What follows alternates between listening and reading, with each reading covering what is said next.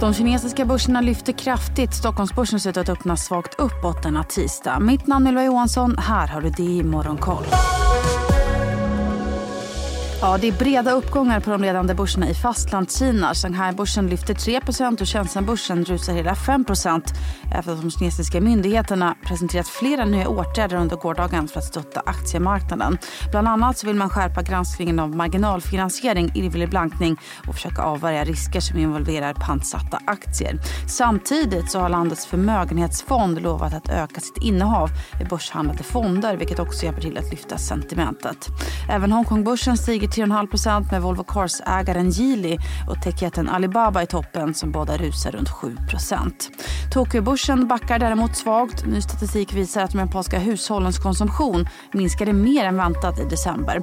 Samtidigt så har nu de årliga löneförhandlingarna dragit igång i Japan som ju är otroligt viktiga för om centralbanken kommer att lämna den ultralätta penningpolitiken eller inte.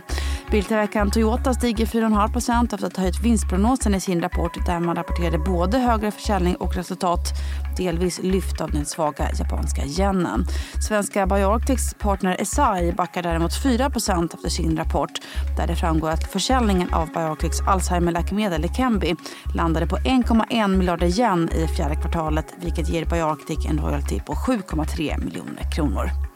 Det är ner även på Sydneybörsen idag som backar en halv procent. Samtidigt stärks den australiensiska dollarn efter att den australiensiska centralbanken lämnat räntan oförändrad men samtidigt flaggat för att ytterligare räntehöjningar inte går att utesluta.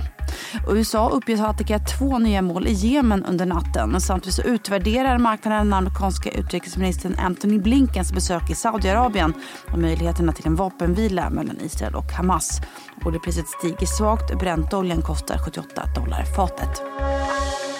Ja, och börserna på Wall Street inledde veckan neråt. Både Bredasbyvarvet och Nikkei Nasdaq backade svagt. Samtidigt så stärktes dollarn till sin högsta nivå på tre månader. och Tioåringen steg hela 14 punkter och står nu 4,13 procent.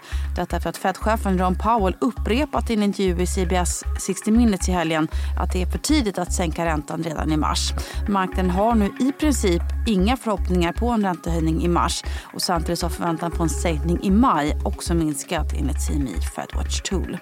Bland de rapporterande bolagen så rusade mjukvarubolaget Palantir 17% i efterhanden efter att ha redovisat oväntat höga intäkter och lämnat en högre prognos än väntat för 2024 med hänvisning till god efterfrågan på bolagets AI-produkter. På tal om AI så lyfte halvmiljardbolaget Nvidia nästan 5% under ordinarie handelstid efter att Goldman Sachs skruvat upp riktkursen för bolaget motsvarande uppsida på drygt 20% Vidare så lyfte Volvo anläggningsmaskinen konkurrenten Caterpillar 2% efter att ha rapporterat högre vinst än väntat. McDonalds försäljning påverkades däremot negativt av konflikten i Mellanöstern och nådde inte upp till analytikernas förväntningar. Aktien backade 4% Sen kan vi väl också nämna att schweiziska läkemedelsbolaget Novartis köper tyska Morphosis för 2,7 miljarder euro. Novartis menar att förvärvet stärker bolagets arbete för att utveckla nästa generations cancerbehandlingar. Och om vi tar oss till Sverige så måste vi nämna att tv och streamingbolaget Viaplays företrädesemission tecknades till hela 159 procent. Idag så ser vi annars fram emot ytterligare ett gäng rapporter. Ni hör intervjuer med Alfa Laval, Paradox, Resurs, IPC och många, många fler i Rapportmorgon som drar igång klockan 8.15. Börsmorgon börjar precis som vanligt klockan 8.45. Mitt namn är Ylva Johansson. Du har lyssnat på DI Morgonkoll.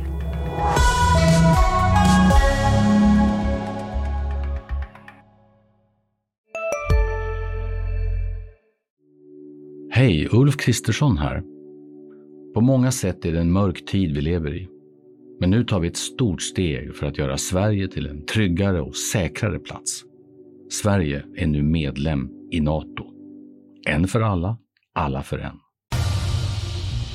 Expressen gör varje vecka podden Politikrummet där vi djupdyker i det senaste och viktigaste inom svensk politik. Med mig, Filippa Rogvall, som programledare tillsammans med mina vassa kollegor. Och det är ju ni som heter Thomas Nordenskjöld, Anette Holmqvist och Viktor Bartkron. Politikrummet kommer med ett nytt avsnitt varje tisdag. Vi hörs.